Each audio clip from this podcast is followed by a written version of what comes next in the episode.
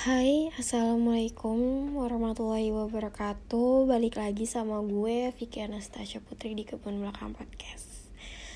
Kali ini gue pengen bahas um, masalah inner child. Mungkin beberapa uh, tahun, bulan, gue juga udah lupa kayaknya bulan gue udah sempet bikin tema ini hmm, tapi gue pengen ngomongin lagi tentang tema ini dengan kondisi yang berbeda pastinya.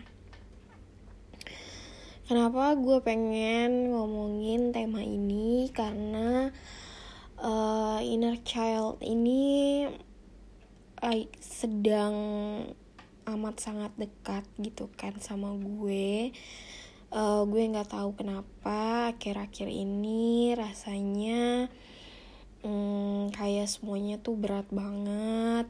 Rasanya uh, capek banget susah banget ngambil keputusan susah banget untuk tidur dengan tenang susah banget untuk berkonsentrasi pada satu hal terus ya gue mencoba untuk mensibukkan diri gue dengan beberapa hal. Uh, salah satunya ya nonton YouTube atau searching searching di Google tentang beberapa hal. Uh, dan yang pasti tentang kesehatan mental salah satunya uh, masalah inner child yang gue temuin.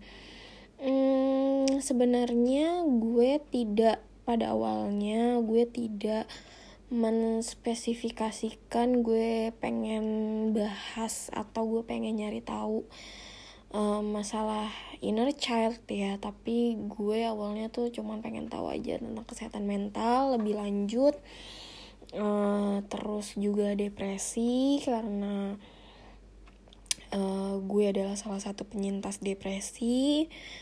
Uh, gue kira juga yang gue alamin sekarang gue sedang di fase itu.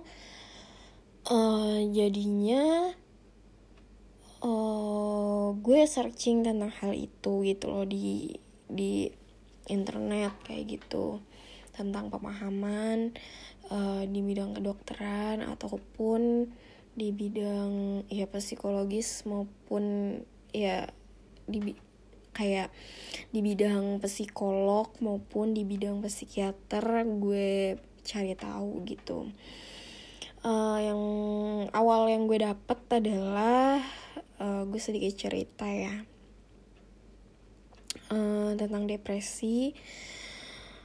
Uh, beberapa hal banyak hal yang terjadi di kepala gue maksudnya hmm, apa ya namanya syaraf-syaraf uh, di kepala gue yang terjadi yang baru gue tahu saat terjadi depresi. Tidak hanya cara berpikir aja yang kacau kalau misalnya um, dalam psikolog orang-orang psikolog psikologis gitu kan. Cara berpikir terus juga yang dia rasakan. Tapi juga ternyata uh, beberapa syaraf di kepala seperti halnya neuron transmitter itu amat sangat berpengaruh. Jadinya hmm, ya itu. Yang gue alamin adalah gampang banget ngerasa capek gampang banget ngerasa gak enak badan. Ya badan gue kayak tiba-tiba lemas tiba-tiba pusing kayak gitu dan mungkin uh, gue belum tahu ya gue belum tahu pasti mungkin uh, disebabkan oleh hal itu gitu.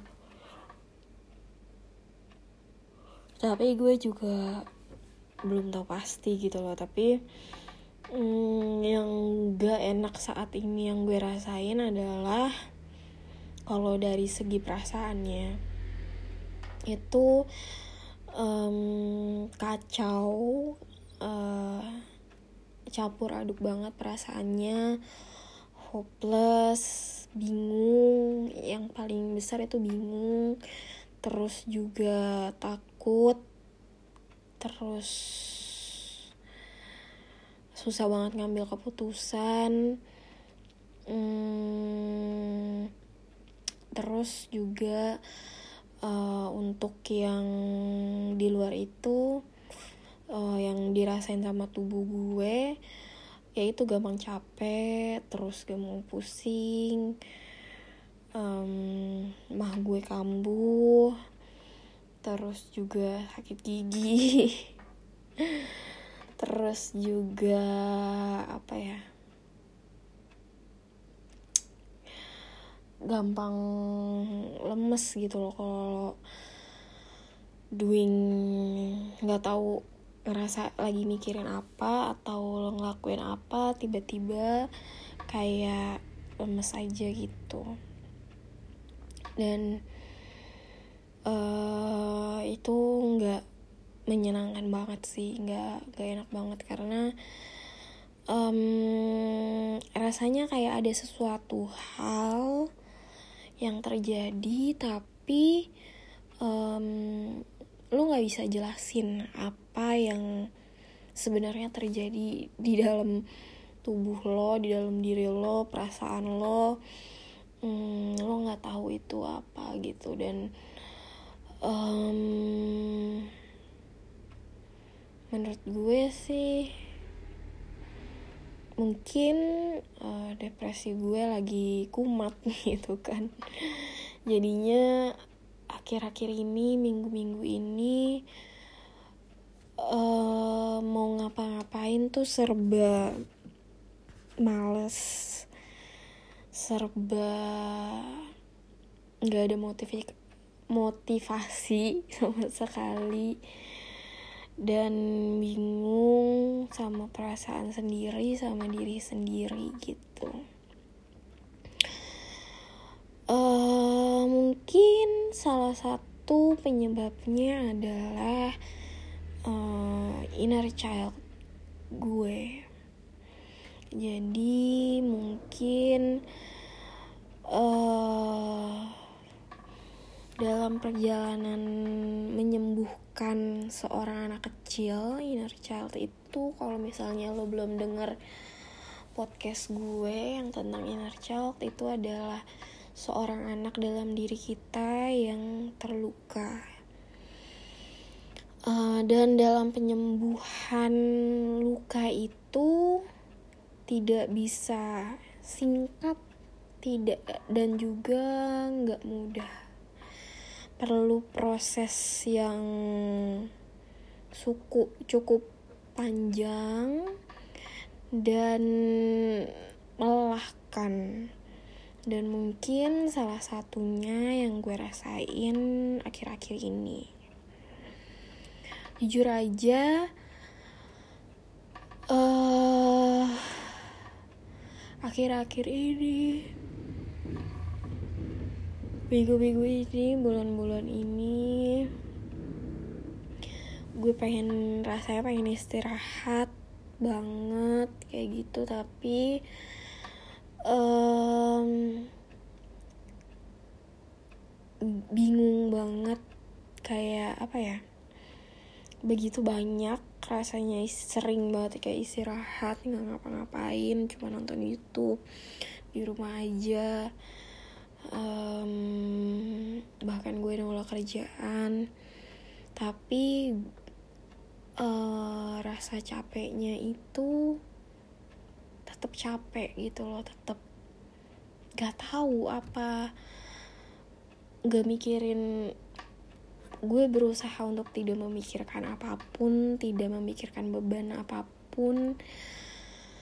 Tapi capeknya tetap capek gitu loh dan ini gak gak gak menyenangkan banget sih. Ditambah lagi uh, insomnia gue uh, kamu gue udah mulai nggak bisa tidur gitu loh. Dan ini adalah salah satu kelemahan gue yang paling besar adalah gue nggak bisa tidur. Karena kalau gue udah nggak bisa tidur terus ya itulah imun pasti turun gue pasti gampang banget sakit.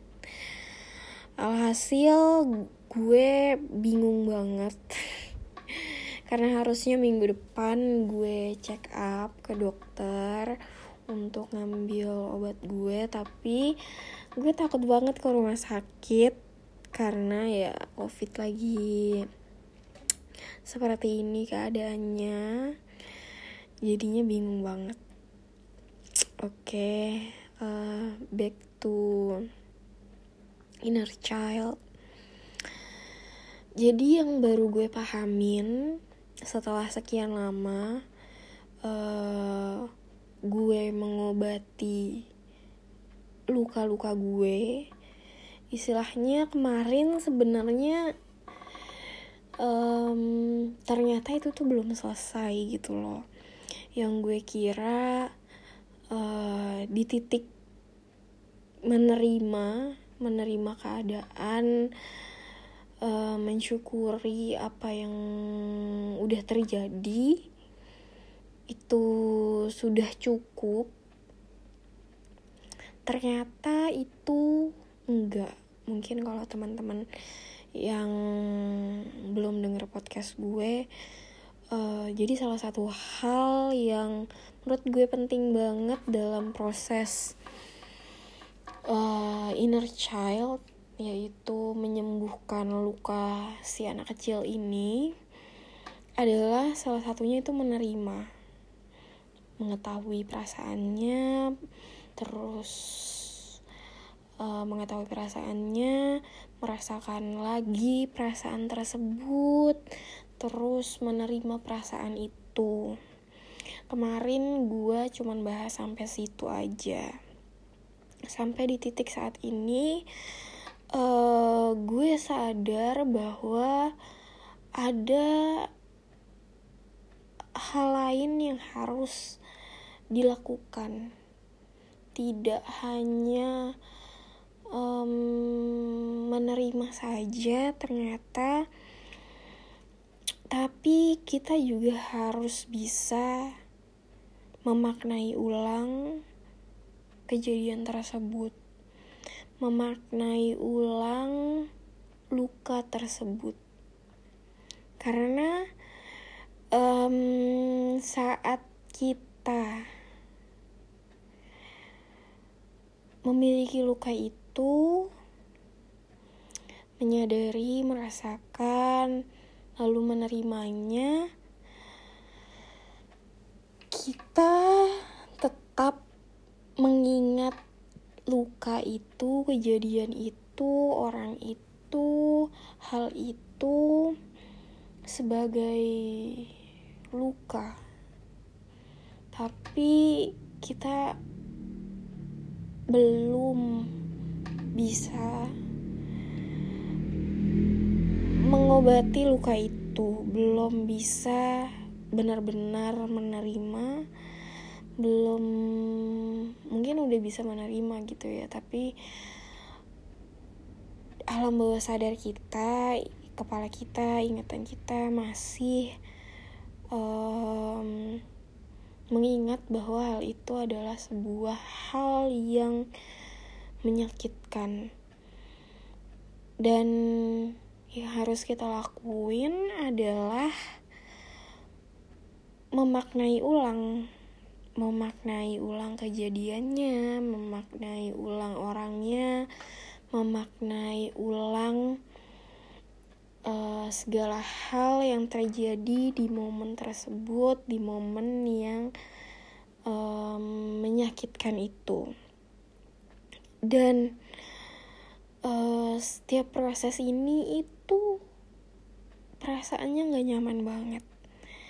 Perasaannya gak enak banget. Perasaannya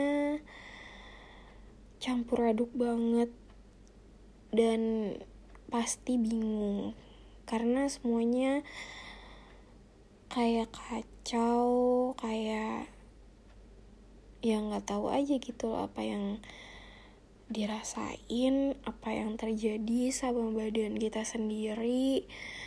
Um, ya itu ngaruh ke mental alam bawah sadar pikiran dan juga fisik yang paling ketara sih. Uh, gue sebenarnya pengen bahas banget lebih dalam tentang memaknai ulang gitu loh. Tapi mungkin karena gue sedang dalam fase atau proses itu memaknai ulang yang gue rasain adalah begitu menyakitkan.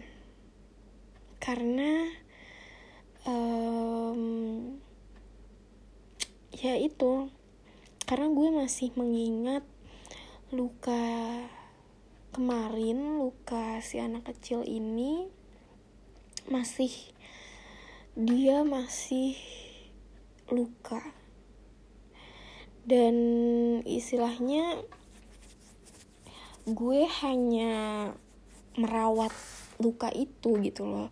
Gue tidak menyembuhkan gue belum menyembuhkan luka itu. Gue hanya apa namanya merawat luka itu agar ya udah baik-baik aja agar lukanya tidak meradang agar lukanya tidak kambuh gitu.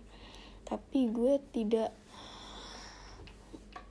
melakukan untuk mengobati gue tidak mengobati luka itu. Gue belum mengobati luka itu gue belum menyembuhkan gue belum dah gue sedang tahap penyembuhan yang uh, ya udah gue rawat aja nih lukanya gitu. Gue belum benar-benar mm, menyembuhkan luka itu. Kayak gitu. Gitu sih yang gue tangkep uh, akhir-akhir ini dan uh, ternyata menerima aja itu tuh belum cukup. Tapi kita juga harus bisa memaknai ulang uh, hal yang terdahulu. Terus kenapa sih mungkin uh, gue juga pengen sharing kenapa gue amat sangat aware banget sama uh, inner child atau luka di masa kecil ini? Karena menurut gue dan uh, yang terjadi terus juga eh, orang-orang bilang yang gue tonton yang gue baca kayak gitu ketika lu mempunyai luka di masa kecil ketika lu memiliki sebuah inner child inner childhood ini terluka cukup parah maka kemungkinan besar um, lu bisa melukai uh, orang-orang sekeliling lu orang-orang yang lu cintain lah. Anak-anak lu mungkin kalau misalnya lu punya anak uh, lo bakalan kemungkinan besar lo bakalan uh, bisa melukai mereka dan hmm, ini yang amat sangat gue aware banget dan gue nggak mau banget terjadi karena hmm, gue tahu perasaannya menjadi menjadi seorang anak yang terluka tuh gue tahu perasaannya tuh um, tidak enak banget saat gue beranjak remaja. Uh, mental gue yang uncontrol um, gue sangat apa ya merasakan bahwa hal itu tuh gak nyaman banget. Makanya gue gak mau hal itu terjadi di orang-orang tercinta gue. Terlebih nanti ketika gue uh, punya anak punya suami punya pasangan um, gue nggak mau melukai memberikan luka gue kepada mereka. Gue nggak mau ngelukain mereka gitu loh.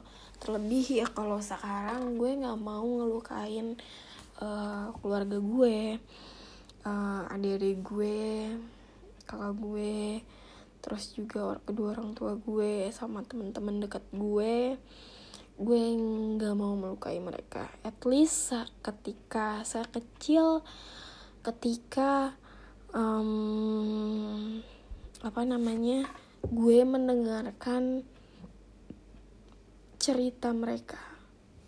Kadang hal-hal sederhana seperti itu bisa apa ya bisa melukai orang lain gitu loh.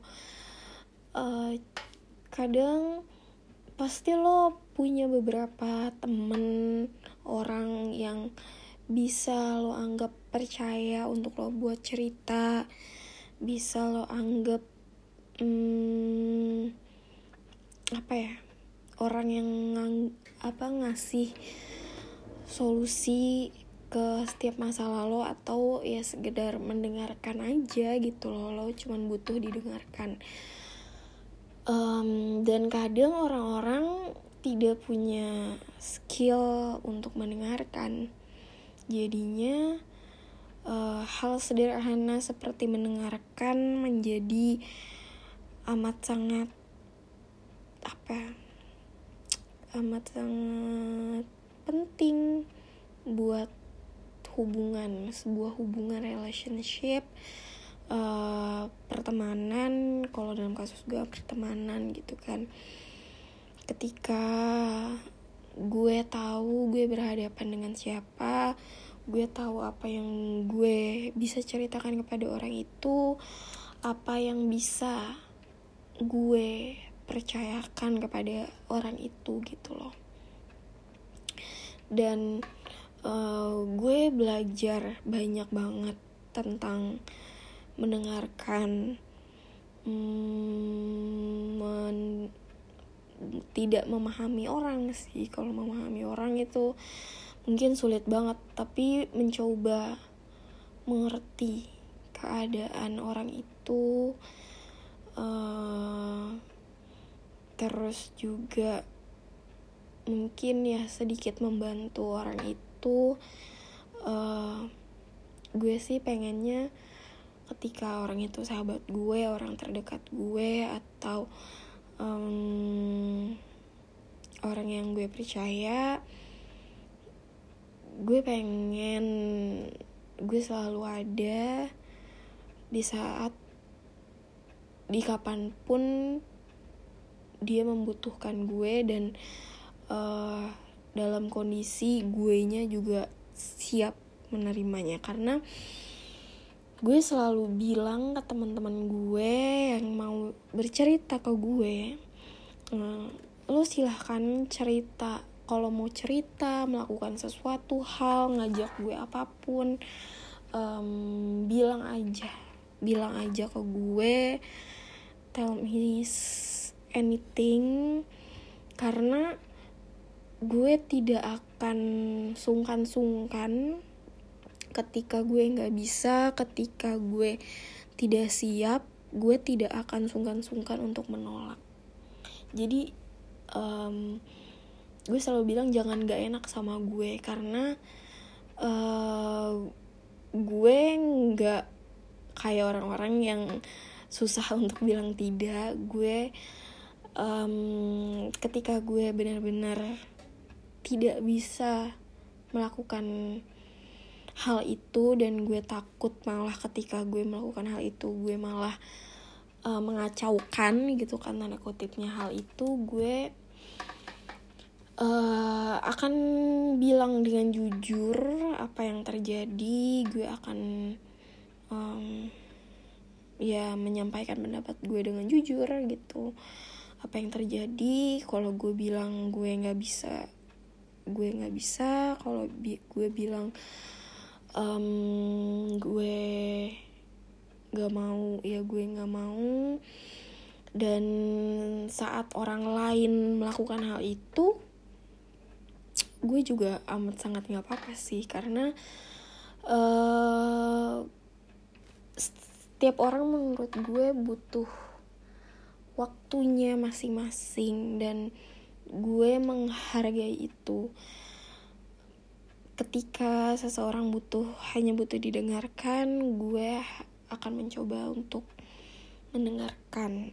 Tapi ketika orang butuh saran gue akan mencoba sebisa gue senetral se apa yang gue pikirkan gitu kan sebisa gue gue akan membantu.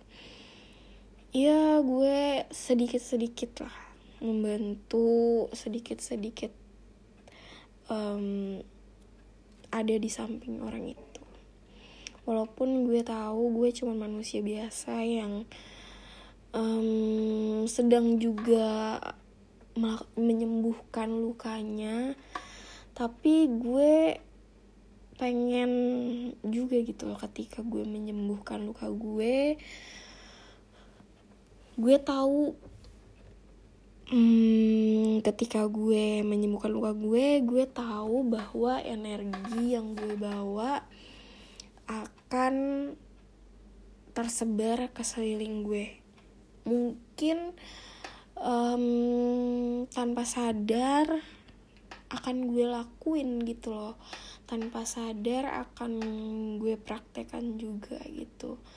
Jadi um, gue sih ketik mungkin orang bilang kayak udah lama gak chatan sama gue atau udah lama gak ini sama gue gak kontak-kontakan. Tapi gue jujur aja gue sih amat sangat bodoh amat gitu loh. Ketika gue kenal orang itu dan orang itu butuh bantuan dan gue bisa membantu gue akan sebisa mungkin membantu orang itu gue nggak tahu. Gue nggak tahu ini naif atau gimana tapi apa ya gue tahu rasanya saat lo butuh bantuan dan gak ada orang yang bisa ngertiin lo. Misalnya ya lo cuman mau didengerin aja um, lo nggak punya tempat itu pasti rasanya akan kesel banget gitu kan. Dan nyebelin banget dan bingung banget. Ya mungkin lo cuman pengen marah-marah pengen kesel kayak gitu. Bahkan gue selalu bilang ke teman-teman gue yang ngechat gue yang curhat segala macem ketika dia sedang marah ketika dia sedang kesel um, ketika dia sedang sedih gue selalu bilang kalau lo mau ngomong kasar mau ngomong uh, nama orang itu atau siapa pun itu just telling me ya bilang aja gitu loh. Gue gue akan amat sangat bodoh amat. Gue hanya mendengarkan cerita lo apa ataupun apa pun yang lo katakan dan merespon sesuai yang lo butuhkan gitu kan? Semoga aja gitu. Dan ya gue selalu bilang kayak gitu kalau misalnya lo mau ngomong kasar atau lo mau marah-marah segala macem yang um, mungkin orang lain tidak patut mendengar gitu kan.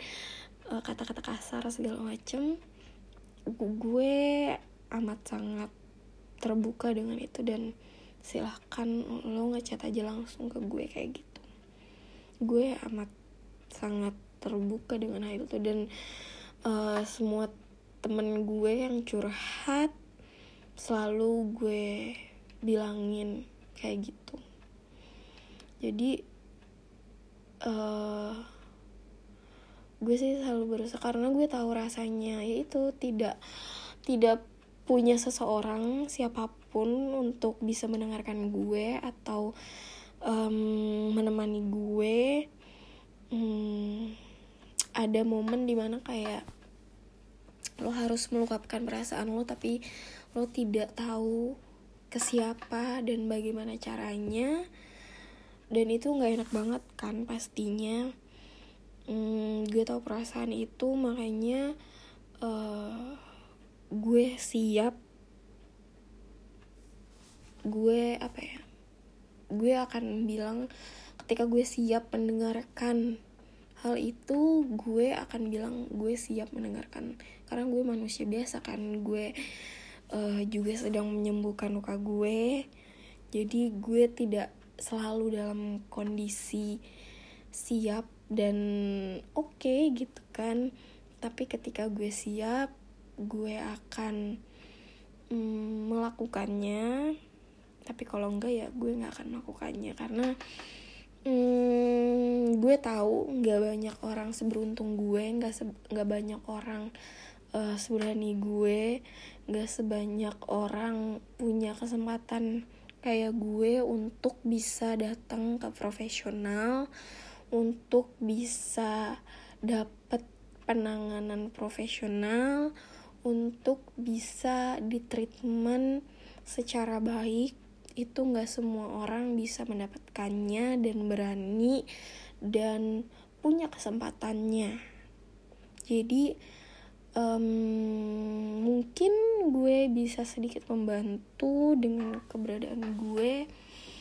Jadinya ya gue akan mencoba membantu. Kalau misalnya ada teman-teman gue uh, yang butuh bantuan gitu kan.